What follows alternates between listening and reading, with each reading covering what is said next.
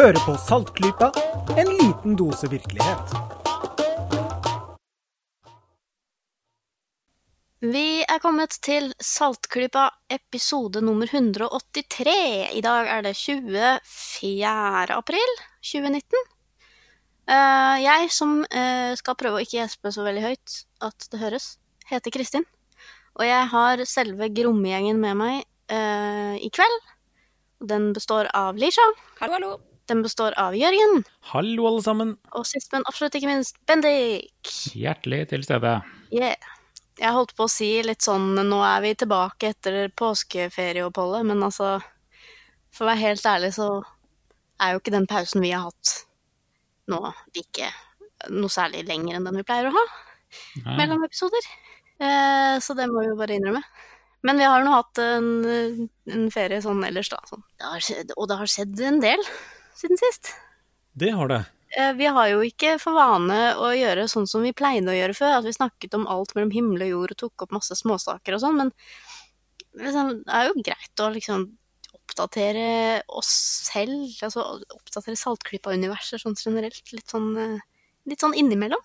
Det har jo skjedd ting i nyhetsverden som er verdt å snakke om. Jeg syns det. Det viktigste for meg er jo selvfølgelig eh, store, store mediehendelsen Game of Thrones sesong åtte. Eh, det har jo vært mye i eh, mine det, det er to ting som opptar meg veldig eh, for tiden. Det er Game of Thrones sesong åtte, og så er det innleveringspanikk på universitetet. De to tingene lar seg dårlig kombinere. Merker jeg. Jeg gjør det. Eh, Men så har det skjedd litt sånn eh, siden jeg håper å si, sist eh, opptak også. Litt lenger tilbake. Sånn apropos at jeg sitter og følger med på TV. Det er ikke alle astronomirelaterte ting jeg setter meg ned i sofaen og bruker fritiden min på å se på direktesendinger på. Noe er det, sånn som første gang en rakett eh, lander baklengs og så videre og sånt. Det, det er sånn, sånn syns jeg er veldig morsomt å følge med på. Bare, litt sånn bare for å ha vært der når det skjer på direkten. Oh, ja. Eh, det samme kan jo gjelde det som helt sikkert alle har fått med seg. eh, at vi har fått et første bilde av et sort hull. Um, det er jo Altså er, Det er jo noe av det tøffeste i hele verden. Det er ganske kult, men jeg tror kanskje du er den av oss som skjønner mest hvor kult det er. Ja, jeg var litt sånn derre uh, Ja, OK, sure, kult. Syns det var ikke helt fortjent det at det tok opp så mye av Twitter-feeden min uh, den dagen. Det, det var det bildet, og så var det det bildet, og så var det det bildet, Ja. og så var det det bildet en gang til, og så var det det bildet enda en gang. Og så var det noen som sa at dette er det største menneskeheten noensinne har gjort, og så var det det bildet en gang til, og så var det det bildet en gang til, og så var det noen som sa at dette er det noe av det største menneskeheten har gjort igjen, og så er det, var det bildet en gang til, og så var det bildet en gang til. Jeg vet ikke helt hva som er Jeg, jeg, jeg må si meg enig, jeg vet ikke helt hva som er nytten med å vise akkurat det samme eh, bildet gang på gang, og de samme setningene gang på gang. Og jeg forstår jo ingenting av det bildet, annet enn at det er et bilde. Det, Og hvis, hvis, hvis dere tror at jeg skulle få liksom hele universelle forståelsen her og nå av meg, så kan ikke jeg si at jeg er den rette til å gjøre det heller. Jeg har aldri vært ekspert på sorte hull. Eh, Jeg var så gal at jeg tok et kurs i generell relativitetsteori da jeg var sånn ung og halvsmart. Det var lenge siden. Så jeg har regna på sorte hull og sånn. Jeg har tegnet på tavla veldig morsomme, fine, vakre ligninger som fyller en hel tavle. Eh, Men selv det var ikke avansert nok til å være um, nære det som regnes på i virkelige modeller, fordi alt er veldig forenklet og sånn når man lærer det første gang. Dette er jo, for det første så er det et eh, sort hull som roterer. Det er sånn typisk ting man tar bort uh, i første omgang når man regner i fysikken. Mhm. Hvis ting roterer, så blir det brått meget, meget vanskeligere. Eh, Så, men, og, og dette er jo også da Mange har sikkert hørt om uh, sorte hull er når en veldig massiv stjerne kollapser osv. Dette er jo da et uh, litt mer heavy sort hull. Det er jo snakk om et sånt supermassivt sort hull som er i senteret av galakser. Eh, og dette bildet da er jo fra det sorte hullet i sentrum av den galaksen som heter M87. Ganske svær galakse. Den ligger eh, 55-ish millioner lysår vekk. Det går ikke an å liksom helt skjønne hva 55 millioner lysår er, men det er jævla langt unna, da. Mm. Det er jo det. Eh, Den sorte hullet veier sånn ca. 6,5 milliard ganger det sola gjør, så det er liksom Det er litt størrelse på det. Og det er sultent. Det spinner, og det er sultent, og eh, det at det er sultent, det er jo det som gjør at vi i teorien har kunnet har forventet at vi kunne se det. Fordi når det er sultent, så spiser det ting rundt seg, og da eh, skjer det ting med det som spinner rundt, og blir svelg, svelget av det store sorte hullet, eh, som gjør at eh, det sender ut en viss type lys eller stråling som vi kan potensielt detektere, og det er det vi nå har gjort. Så det er litt kult. Eh, dette er radioteleskoper. Um, og dette er sånn fin symbiose av et internasjonalt massivt eh, samarbeid. Um, eh, altså da grunnet i ESO, som er et europeisk stort observasjonssamarbeid. Eh, det baserer seg på den sydlige halvkule. Eh, men det som er med disse radioteleskopene, da, er at det er Ehm, de har brukt noe som eh, kalles en teknikk som kalles VLBI, og det står for Very Long Baseline Interferometry. Nå skal ikke jeg legge ut om hva det er, men sånn veldig kort så betyr det at man bruker mange, mange små teleskoper over hele verden for å lage et kjempestort teleskop som er på størrelse med jorda. Det er vel radioteleskop i utgangspunktet, Ja, er det ikke det? Og de radio har ikke noen sånn oppløsning som et bilde har, du får bare styrke på signal. ikke Men ved ved å koordinere alle disse her, så kan du, Ja. ved å sjekke forskjellen i tid på detaljer og sånn, så kan du liksom begynne å skille ut hvordan det Ja, du kan triangulere da, og finne eh, koordinater på det. Det er det du kan, og jo, jo større baseline, da, som det heter på godt norsk, jo bedre eh, Altså, man kan kanskje kalle det oppløsning. Uh, og den blobben som det bildet er eh, Grunnen til at det er så fantastisk uh, Det er mange grunner til det. For det første så er det selvfølgelig første gang vi får et sånt bilde. Mm -hmm.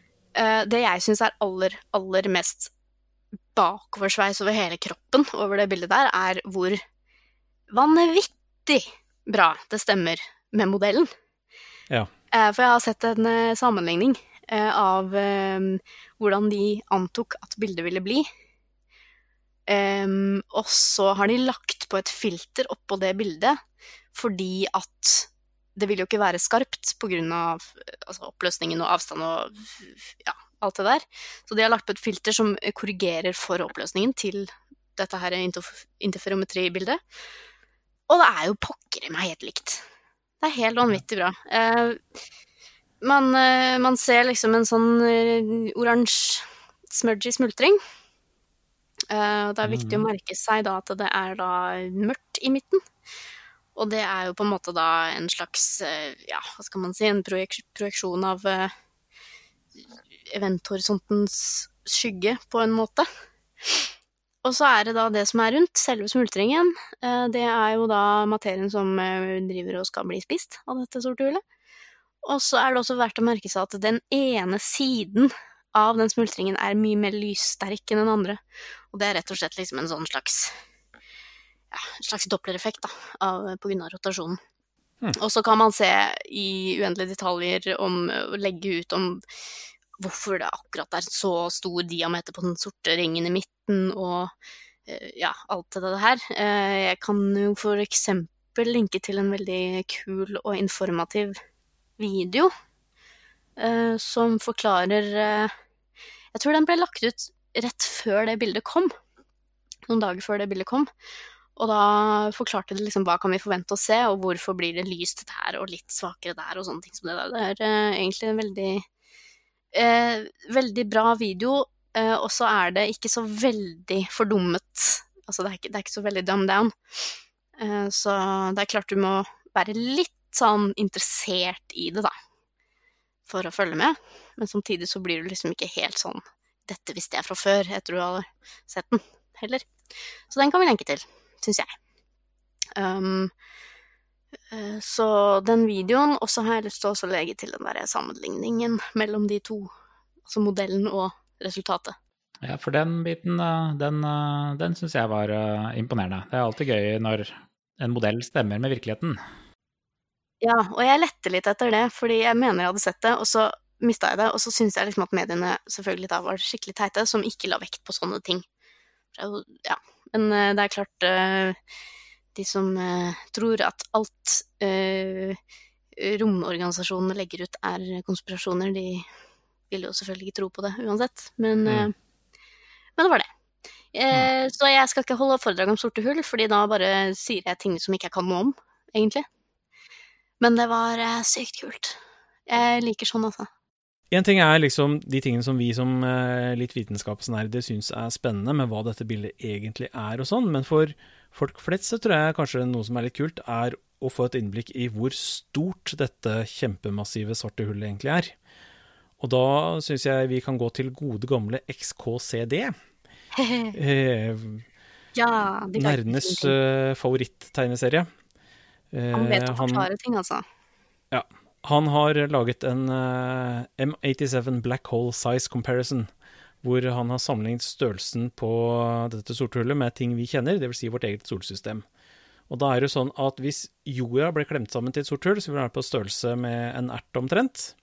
Hvis du har det i bakhodet, og så går man på dette bildet som vi lenker til, så eh, peker det inn eh, sola midt etter sorte hullet.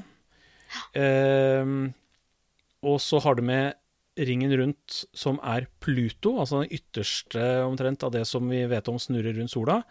Og i tillegg så har vi et punkt langt, langt utenfor der igjen, som er Voyager 1, som nå er utenfor solsystemet vårt. Og det er altså den omkretsen som dette her lager, med sola i midten, det er eh, hele den mørke ringen inni. Ja. Og, og så tenker vi at hele den massen der, altså fra sola ut til Voyager, er sort hull. Det vil si, det er ikke helt riktig det, da, for sort hull er vel egentlig bare halvparten av diameteren av det. Ja, det er Eh, litt sånn eh, eventhorisont pluss litt, er det vel. Ja. Men eh, det er supergedigent massivt. Mhm. Det er sånn som det virkelig er vanskelig Mm. å få huet sitt rundt. mm. Ja, vi kan ikke forstå hvor stort det er. Altså, det er snakk om sentrum av en galakse, dette her, så vi må ha det litt i bakhodet òg. Det er en galakse Ja. vi snakker om. Det er en ganske stor galakse også, så yes. Mm. Men eh, jeg, tenker på, jeg, jeg tenker fremdeles på Game of Thrones. Eh, og det var, det var eh, da mandag kveld da jeg så premieren i Godt selskap. Eh, og jeg hadde nettopp eh, Vi var nettopp ferdig med å se den, og jeg hadde nettopp slått av flymodus på mobilen for å sjekke hva som hadde skjedd, siden jeg hadde dukket inn i dette universet. Og da var eh, Da var Notre-Dame i full fyr.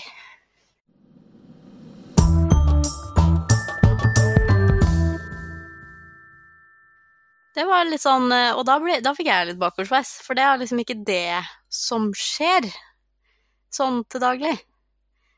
Det var som jeg var Nei, altså Apropos Game of Thrones, så der i, er det i sesong sju at det brenner en katedral, da. Men Ja, eh, brenner, ja, brenner veldig fort opp, ja. Mm. Ja. det var en litt uheldig referanse, kanskje. ja. Spoiler. Sorry.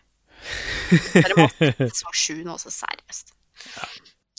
Eh, men ja, det Mm. Notre-Dame-taket har brent opp med det høyeste spiret. Ja, det var Og bra. mens det fortsatt brant, så kom forklaringene. Mm. Ja, for det gjør det jo alltid. Jeg Eh, vet ikke, hvor, hvor tidlig fikk dere med dere konspirasjonsteoriene som dukket opp? Jeg vet ikke helt hvor veldig nøye jeg fulgte med på det. Jeg, så, jeg, jeg var litt sånn mainstream media på akkurat i det øyeblikket, at jeg liksom fulgte mest på, på liksom internettaviser og sånn, jeg. Ja. Egentlig. Det er litt Ja, kjedelig nei, sånn. jeg fikk bare med meg hva folk eh, delte på Facebook, og da var det sånne steder som eh, Resett og sånn, som ikke alltid har helt etterrettelige ting, i hvert fall ikke i sine egne kommentarfelt. Der uh, tok det ikke mange minuttene før uh, skylda godt og grundig var plassert på hos uh, islamister og kulturmarxister, Mm. Ja, som åpenbart hadde tent på denne kirken for å ødelegge det kristne Europa. ja, nei, men det var jo lurt gjort. Ja. Mm. Ja. Eh, men det var jo tydeligvis ikke det, da. Det Er vel kanskje det viktigste å få, få med seg. Nei. Nei. Eh, det, og det, det er jo egentlig ganske tragisk i seg sjøl at det var eh, herregud, at det var noen som drev og bygde, og så hadde det skjedd en lang kortslutning et eller annet sted. Det er ikke annonsert, Men ingen har sagt noe med, offisielt om hva det var, så vi vet ikke hva det var og hva det ikke var. Nei, Nei. Det, det er hypotesen, da. Ja. Men det som er er sikkert, er at det var eh, feil i brannalarmsystemet. Sånn at eh, da alarmen kom, så dro brannvesenet til feil sted, fant ikke brannen. Oh, Og da så kom en ny alarm eh, som var riktigere, så altså hadde det spredd seg til en annen sensor, da var det for seint. Ja. Så Det er jo ganske utrolig at det går an å ikke ha kontroll på sånne ting i hver av alle steder. For de av oss som jobber med data, så er det ikke utrolig i det hele tatt. Og for de av oss som jobber med museale bygg, så er det heller ikke så innmari utrolig, dessverre. Akk. Men uh, ja, jeg var jo litt uh, egoistisk oppi det hele. da. For det første, en av de første tingene jeg tenkte, var jo å faen, jeg har ikke vært i Paris. så jeg har liksom ikke sett Notre Dame, jeg. Nei, jeg har sett den på avstand. Ja. Det var veldig fint der. ja, det tror jeg på. Den er sikkert, altså, det er sikkert fint i Paris fremdeles, og det står jo en god del igjen av eh, denne kirken. Ja, så lenge det varer. fordi jeg vet ikke om dere har sett disse forslagene som har kommet fra arkitekter, som er et grusommelig folkeslag som må sperres inne for alles Du, jeg har hørt noen stykker som har vært på banen og bare det. Vet du hva? De er helt gale. De er helt fullstendig gale, og de må bare De kan endre navnene på, på kirken samtidig. Til et eller annet sånn snappy to bokstaver. Ja. Som eh, Ja, gud, nei, de har sett forslag, og det ser altså ikke ut i måneskinn. Men hva er vitsen med å gjøre noe nytt? Kan man ikke prøve å bare restaurere litt? Det er å gjøre noe nytt. Dette er personer, de forstår ikke verdien av Og så kan du gjøre noe nytt og vågalt som ikke har vært prøvd før, så har, mener de Det er selvfølgelig feil, men de mener det har en egenverdi i seg selv istedenfor å Det Ta vare her på dette. er eh, gamle raske. Men kanskje det var arkitekter som tenkte på, tente på. En mye bedre teori. Ja, men det er, altså Hvis du ser det fra et faglig perspektiv, så er det mange vanskelige avveininger. Og det er ikke så åpenbart som mange skulle tro at man skal tilbakeføre det som det var. Jeg kan, Eh. jeg kan godt tenke meg at sånne store kirker og katedraler har jo brent flere ganger, opptil flere ganger gjennom historien, og de har sikkert forandra på det hver gang de har bygd opp igjen òg. Det er eh, en ene, den ene delen av saken, at eh, man kan eh, se byggets historie ut fra reparasjoner og påbygg. Og det er eh, en av verdiene vi ser i dag, altså som forteller historien om et kirkebygg eller annet gammelt bygg, så er jo det alle de endringene som har skjedd. Når vi ser det på det lengre tid i ettertid, så er jo det historisk interessant, og er en viktig fortelling å fortelle. Og det er en av de argumentene for å si at ja, men hvorfor ikke ta inn noe moderne, så kan framtida se tilbake på dette her og, og se at å ja, her har vi eh, eh, Sånn var det i begynnelsen av 2000-tallet. da- da- Her ser vi det elementet. Ehm, så, og det, det er ikke noe å kimse av, det. altså. det er, og så har du det at hvis du skal prøve å tilbakeføre det, så er det en masse komplikasjoner rundt det. Eh, det ene er at eh, per i dag så driver vi ikke skog sånn som de gjorde i middelalderen da dette her ble bygd, så det er spørs om de klarer å skaffe stort nok tømmer til å bygge det på samme måte som det var. Hmm. Så da må de i så fall prøve å få det til å ligne, men ved å endre konstruksjonen. Og er det da en, den samme gjenoppbyggingen? Så kan man tenke seg at man kanskje bygger det sånn at det ser likt ut, men man bruker moderne materialer. Bruker f.eks. stål, som da ikke brenner. Ehm, På da det området oppå loftet der ingen turister noensinne ser uansett. Så fra utsiden så vil det ikke være noen forskjell. Er det greit?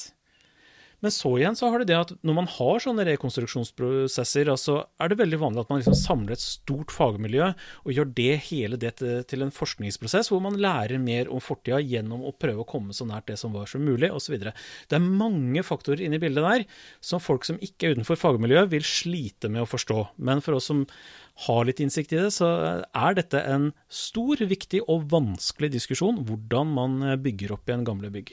Ja, det er jo, altså det er jo per def ikke enkel sak. Jeg har ikke noe forslag um, sjøl. Men uh, jeg tenker at uh, det høres ut som du har litt både interesse og eh, ekspertise på sånne gamle ting, Jørgen. Ja, Ja, jeg, jeg tenker kanskje vi skal prøve å peile oss litt inn på ukens tema, fordi at uh, vi lurte jo fælt på hva vi skulle snakke om i dag. Og så hadde du en eh, liten eh, sak som du hadde hatt som en sånn liten sånn tentativ greie.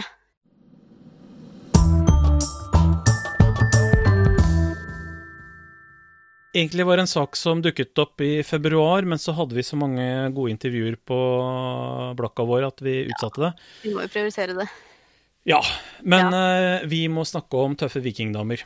Vi må det, altså. Du Ja. hadde bare virkelig lyst eh, Kristin, til å prøve å få inn eh, tentative vikinger, som eh, var vår interne, interne har- episodenavn på dette her. Vi har ofte et internt episodenavn som vi har før vi slipper episoden, bare for å ha noe, og fordi vi liker noen ganger å være litt gøysomme. Ja. Så Tentative vikinger er det uoffisielle navnet på denne episoden. Ja. Men nå er ikke vikinger tentativt lenger, for nå tar vi det faktisk opp. Yes. Og det har vi snakka om eh, Vi har snakka om litt sånne ting eh, før. med litt Ja, for dette er en oppfølgingssak, dette her. Ja. Uh, hvor oppfølgingen i seg selv er verdt en uh, liten diskusjon. Men altså, saken er at tilbake i uh, 2017 så kom det en svensk DNA-studie som Eller var vel egentlig et samarbeid med ulike nasjoner, da, men det er på et svensk materiale. Det store vikinggravfeltet i Birka utenfor Stockholm. Der er det en eh, grav som eh, man har eh, lurt på lenge om er en kvinnegrav, ut fra skjelettet som er bevart. Det er jo ikke så ofte i Skandinavia at skjeletter bevares så godt, så dette er litt sjeldent. Men altså, dette skjelettet så litt kvinneaktig ut, og derfor en veldig rik grav med krigerutstyr. Og så tok de da DNA-prøve og fant at jo da, her var det kvinnelige XX-kromosomer. Så det, det var en kvinne. Og så ble det jo masse bråk. Og dette lagde vi en episode om, episode 150. Eh, hvis noen har lyst til å lete seg tilbake i feeden vår, så finner de det.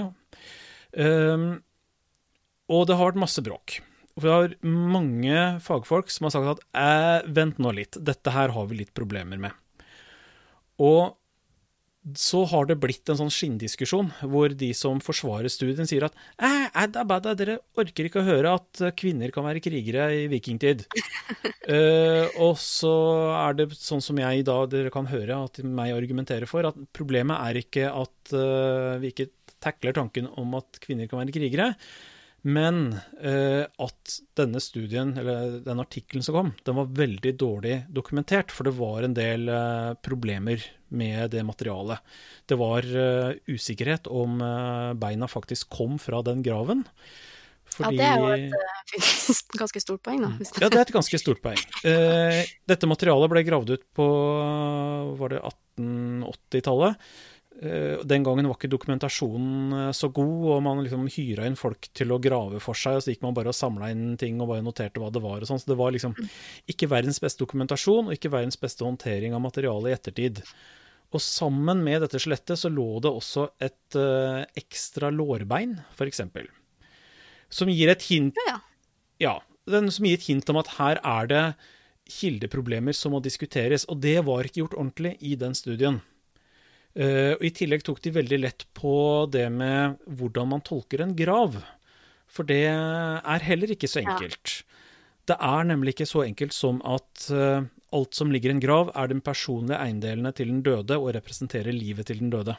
Og selv om det er dens personlige eiendel, så betyr jo ikke det at den personen har brukt det. Det kan jo også være noe de har arvet et minne fra en kjær person, f.eks.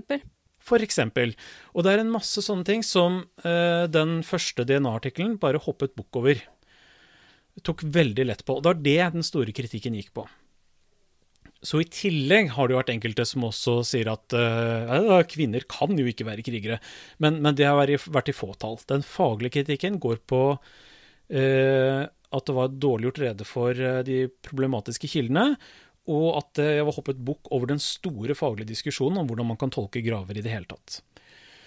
Nå har det da kommet Så det er, et, eh, det er et spørsmål om dårlig vitenskap eller god vitenskap. Ja, ikke sant. Eh, så det var det den saken dreide seg om i 2017. Uh, nå har det kommet en eh, oppfølgingsartikkel. Den kom eh, 18. februar. Eh, Og der har de gått gjennom all den kritikken som kom, den faglige kritikken. Og har gjort grundig rede for uh, hvorfor de mener at det er riktig skjelett og alt mulig sånt nå. Og nå Nå har ikke jeg lest akkurat den studien, men jeg har fått med nok til at jeg ser at uh, fagfolk nå er stort sett enige at jo, det er nok det riktige skjelettet. Uh, og da ser det ut til å være en kvinne. Så nå kan vi faktisk begynne diskusjonen om hva dette betyr for tolkningen av kvinners status i vikingtid, og om de kunne være krigere osv. Um, Jeg har sett en dokumentar som heter Vikings, og der er det veldig mange eh, damer. Det er en dokumentarserie, dette her, Kristin? Den du har Ja, sett? Ja, Den er faktisk ganske omfattende, altså. Den spenner ja over det har jeg hørt tid. eh, rykter om. Mm. um, det er jo et av de store problemene til meg som uh, arkeologiformidler, er jo å fortelle folk at uh, serien Vikings eh, bare har noen overflatiske likheter med vikingtiden. Hva mener du ikke at alle vikingene hadde veldig, veldig dyre frisører på den tiden? Nei, ei heller sminkører, og ei heller uh, uh, tatovører. Men det er nå så. Det, er jo en tøff ikke eventyrserie, da. det, Ja, ja, ja. Sikkert. Jeg ga opp å se den, men, men det er nå meg. Eh, den er sikkert spennende og alt det der, men, men eh, ikke tro på stæsjet. Det vil si, sverdene ser ut til å være noenlunde riktig ut fra det jeg ser fra bildene, men uh, ellers er det meste gærent. Det er Ikke så mye horn på hjelmene, da. Det er jo fint. Nei, det kan jeg kanskje snakke om på en annen episode. Uh, Det dukker opp stadig ny informasjon om mulige horn på hjelmer, men det, det tar vi ikke nå. Spennende. Det jeg hadde lyst til å snakke om i dag, det var eh, en av de Popvit-artiklene som eh, har kommet som presenterer denne nye oppfølgingsstudien. Så i eh, magasinet Live Science så blir dette presentert, og det er da særlig en som heter Neil Price som uttaler seg her. Han er da professor i arkeologi ved Universitetet i Uppsala, og en fyr som absolutt er en bra forsker og en jeg ser opp til. Så det, så det Alt er veldig bra der. Men det er noen ting i den artikkelen som jeg syns var litt interessant. Ikke bare fra et arkeologisk perspektiv, men eh, også fra re- rent sånn eh, logisk eh, Altså analysere ting logisk og se etter argumentasjonsfeil og sånt, for det mener jeg det er i denne artikkelen her, da. Oi, Ja. Ja. Så uh, Neil Price uh, driver jo da og disser disse her som har kritisert uh, artikkelen og vært som motstander. Han går litt i den fella at han mener at kritikerne ikke helt takler at det kan ha eksistert kvinnelige kriger i vikingtid. Og så tar han, han tyr da til et av skeptisismens beste verktøy, Occams barberblad, for å skjære gjennom her og si at det, den enkleste forklaringen, og den man dermed skal velge, er den at en grav, en kvinnegrav med våpen, er en krigerkvinne. Problemet hans her er at han tar den forenklede versjonen av Occams barberblad.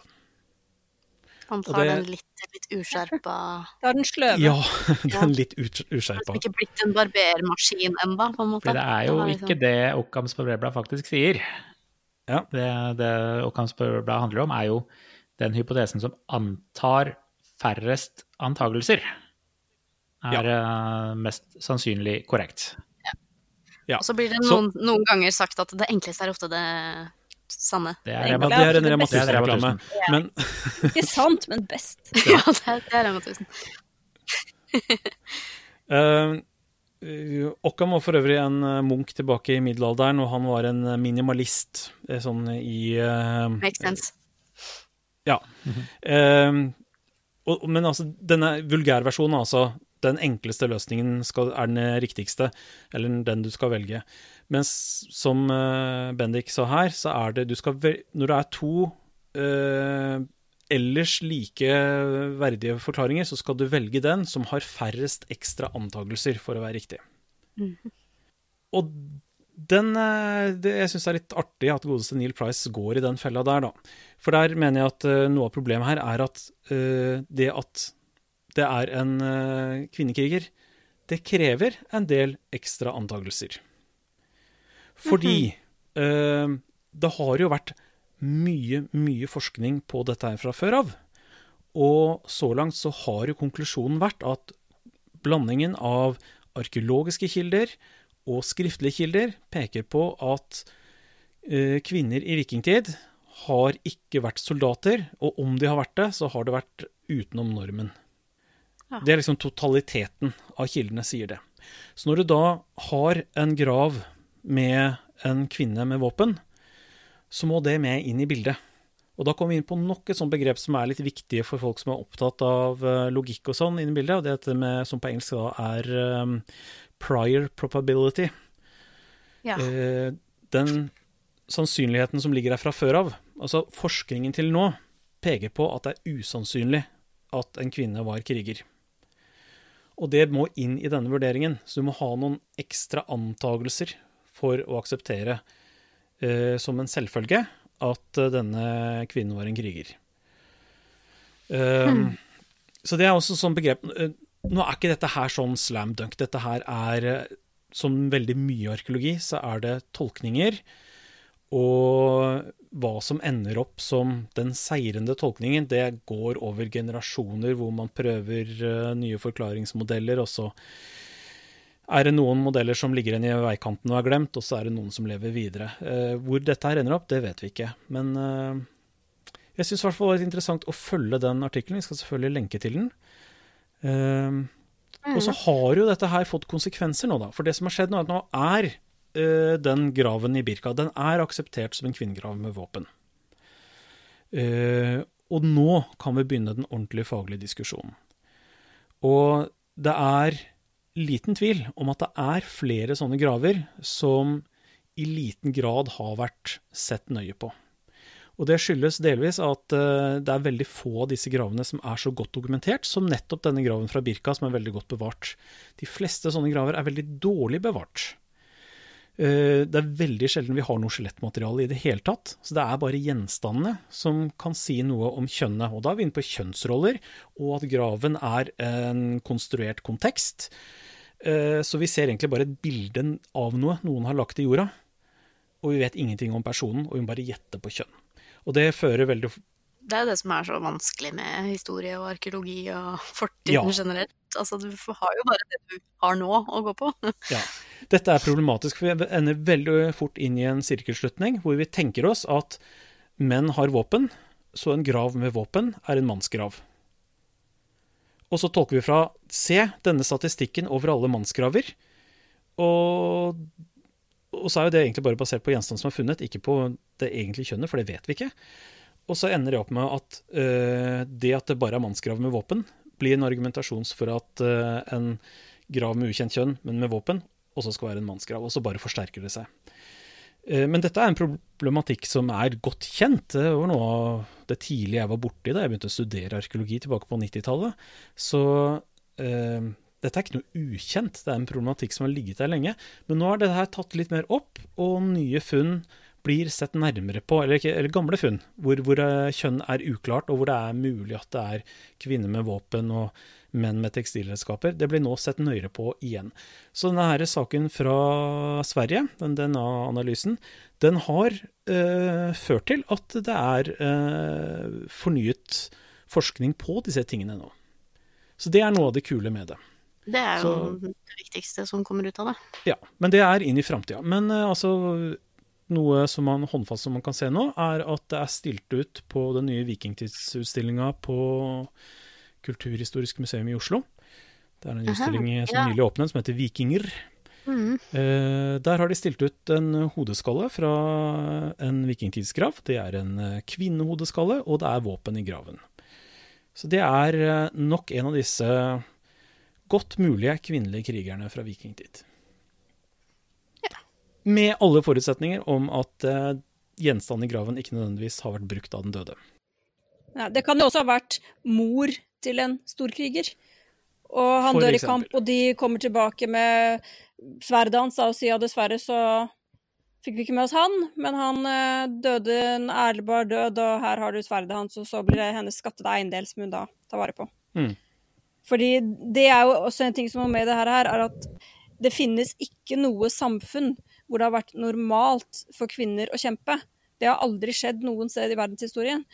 Vi har én kvinne som vi har skildret i sagaene, som tar til våpen. Og eh, kildene på henne er litt interessante, for de sier nettopp noe om dette med eh, hva, hva sier en kilde? Eh, hvor ensidig kan den være? Det er nemlig en som heter, het Frøydis Eiriksdatter. Hun var uekte datter av Eirik Raude. Eh, Ja. Og hun er da halvsøster til vinlandsoppdager Leif Eriksson. Og der er det noen historier fra eh, Eirik Raude-saga om henne, og fra Grønlendingene-saga. Og de to historiene er vidt forskjellige. Eller forteller, begge forteller om en meget spesiell dame med mye futt i. Eh, men ene framstiller henne i en slags heltefigur. Og den andre som en eh, forferdelig eh, grusom person uh, det, det, er skikkelig spennende. Slå gjerne opp Frøydis Eiriksdatter på Wikipedia, men jeg kan jo ta the highlights, da. Ja. Fordi de var altså dratt til Vinland, Nord-Amerika. Og Newfoundland i dag? Akkurat hvor dette var, er litt usikkert. det er ikke sikkert det var der de har funnet spor av norrøn bosetning, men nok om det. I hvert fall så kommer det skrælinger, det vil altså si urinnvånere, mm. eh, som angriper. Det kommer fra båt. Og disse islendingene, vel er det vel, som er der, eller grønlendingene, blir tatt på senga og begynner å rømme. Og denne Frøydis kommer da stormende ut og skal egge sine menn til kamp. Eh, men de rømmer. Hun prøver også å rømme, men eh, det går treigt med henne, for hun er nemlig gravid. Det går litt treigt, og er i ferd med å bli tatt igjen. Eh, da kommer hun over en av sine døde landsmenn som ligger der med sverdet ved siden av. Så hun tar det opp, river opp kjolen og blotter brystene og dasker seg med flatsida på sverdet over brystene og skriker og hyler. Og da blir altså disse skrælingene, som de kalles, eh, så perplekse at de løper tilbake til båtene sine og forsvinner. Fantastisk. Ja. Jeg håper det skjedde. Ikke sant. Eh, så her er jo hun en som eh, redder den bosetningen. Men hun er også en person som skremmer vann av folk. Og hun er åpenbart uh, tøffere enn mannfolka som er der, osv. Men så er det i den andre sagaen uh, hvor hun uh, driver og forråder folk og går tilbake på avtaler og får mannen sin til å drepe um, noen i et annet hus fordi de sier, hun påstår at de sier stygge ting om henne. Og så gjør de det, men de dreper ikke eh, kvinnene som er der. Og da tar hun selv øksa og drar og dreper de kvinnene som er igjen. Shit. Ja. Um, ja. Hyggelig nabo. ikke sant? All right. Så her har du liksom én versjon av henne, hvor hun eh, framstår som den store helten som tar til våpen når eh, mannfolk ikke kan, og skremmer vekk skrælingene. Og så har du en annen jeg, jeg hvor hun Jeg syns det var litt grusomt òg, jeg, da. Men uh, Jo jo, men altså, hun har ikke gjort noe annet enn å brøle og, og daske seg over brystene med flatsida på sverdet. Uh, og bare være tøff. Mens i den andre så er hun ond. Uh, og bryter alt som er av regler for hvordan man skal oppføre seg og sånne ting. Så, um, så det sier noe om uh, hva man kan stole på av skriftlige kilder fra den tida. For de er åpenbart uh, så har de en slagside, det som er skrevet ned. Her har vi det morsomme at vi, samme person er skrevet ned to steder med to forskjellige slagsider. Ja, altså jo, jo mer sånn uh, litt sånn personlig personene som har skrevet om personen er, ja. jo mer er det jo prega av eh, Altså, hadde vært en litt mer offentlig person, kanskje, sånn. ja. litt, litt, høyere status osv., så, videre, så hadde det kanskje vært mer nøytrale beskrivelser, men eh, mm. Men det som er felles i begge historiene, er at måten hun tar til våpen på, beskrives som noe som er utenfor det normale. Mm. Og dette er en av veldig, veldig få historier med kvinner som tar til våpen. Så um, eh, Dette er liksom en av kildene som ligger bak at arkeologer er eh, litt skeptiske til dette her med eh, vikingkrigerkvinner. Fordi eh, kildene på at de, kvinner har tatt til våpen, er så få. Det man veldig ofte ser i kildene, er jo at kvinnene erter opp Nemlig. mennene til å slåss, og sier sånne ting som at uh, hvis det er mannen da, og tenker at min skam å være gift med en sånn feiging som deg, ikke sant, eller uh, broren, ja nå skulle far vår sett deg, han ville dødd av skam, ikke sant, og snakker stygt om fienden, og snakker til dels stygt om sin egen side også, for å få dem til å skamme seg så mye at de da tar til våpen og gjør det hun ønsker å få gjort. Og sånn sett så er det jo ganske Ja. smart, for da risikerer du mye mindre Mm. når du sender bror din ut for å slåss. Det er jo typisk det de gjør, da. De Det er det mye av i det. sagalitteraturen. Det er smart. Yes, men det var eh, stort sett det jeg hadde å buse ut med denne gangen. Ja, det er Alltid bra noen eh, følger med på, på studier og sånn. Ja, det området hadde ikke jeg fått med meg noen oppdateringer til det, så Altså, Egentlig så syns jeg at vikingtid får altfor mye oppmerksomhet. eh, Så sånn sett skulle jeg gjerne forbigå dette i stillhet. Fordi det er så mange andre perioder som er dritspennende, som folk ikke vet noe som helst om. Men dette er da en sak som har fått eh, fikk ganske mye pressedekning eh, i vinter, så jeg syns det var greit å ta det opp. Ja, og du må vel innse, Jørgen, at grunnen til at vikingene får så mye oppmerksomhet, det er jo at folk er ganske mye mer interessert i dem enn i mange andre historiske perioder. Jeg Folk vet synes det er eh. Men hvis du skulle anbefale en uh, periode som uh, burde fått mye mer oppmerksomhet, Jørgen, hvilken periode var det? romertid. Romertid. Ja, Det høres ut som det ikke har med Altså, for befolkningen i Skandinavia så er romertid kjempespennende. Det er en brytningstid hvor uh, man kommer i kontakt med Romerriket, og det endrer masse kultur. Og det skjer masse dritkulte greier i Europa. Det er så mye kult stæsj. Eh, og det er egentlig i den perioden at samfunnet blir til det som Uh, egentlig blir vikingtida. Ja. Så uh, du, det er ikke mulig å forstå vikingtida uten periodene som går før, og før vikingtida så har du en periode som omtrent ingen har hørt om, som heter merovingertid. Som da selvfølgelig er veldig viktig for å forstå vikingtida. Før det har du folkevandringstid, som også er en dritkul periode. Eh, og så før det igjen så har du romertid, hvor jeg altså mener at veldig, veldig mye av grunnlaget for vikingtida blir lagt. Veldig Så. bra. Yes. Da sier vi det. Men eh, siden du har eh, anbefalt denne tidsperioden, er det, noen, det er ikke noen andre anbefalinger vi har på plakaten i dag som vi kommer på? Du nevnte noe om en vikingutstilling som går på Ja, eh, jeg har ikke fått sett den selv, men, eh, men det er et veldig stilig utstilling på Kulturhistorisk museum i Oslo. Ser veldig stilig ut, altså. Eh, dra gjerne og se den. Jeg skal i hvert fall det så snart jeg klarer. Ja. Jeg anbefaler all eh, geekingen på Reddit som foregår rundt eh, sesong åtte av Game of Thrones. Der går det noen timer, ass. Jeg støtter den. Passer veldig bra rundt eh, innleveringspanikk på universitetet. Veldig, veldig bra. Mm. Nei, men skal vi si det var en episode, eller? Ja.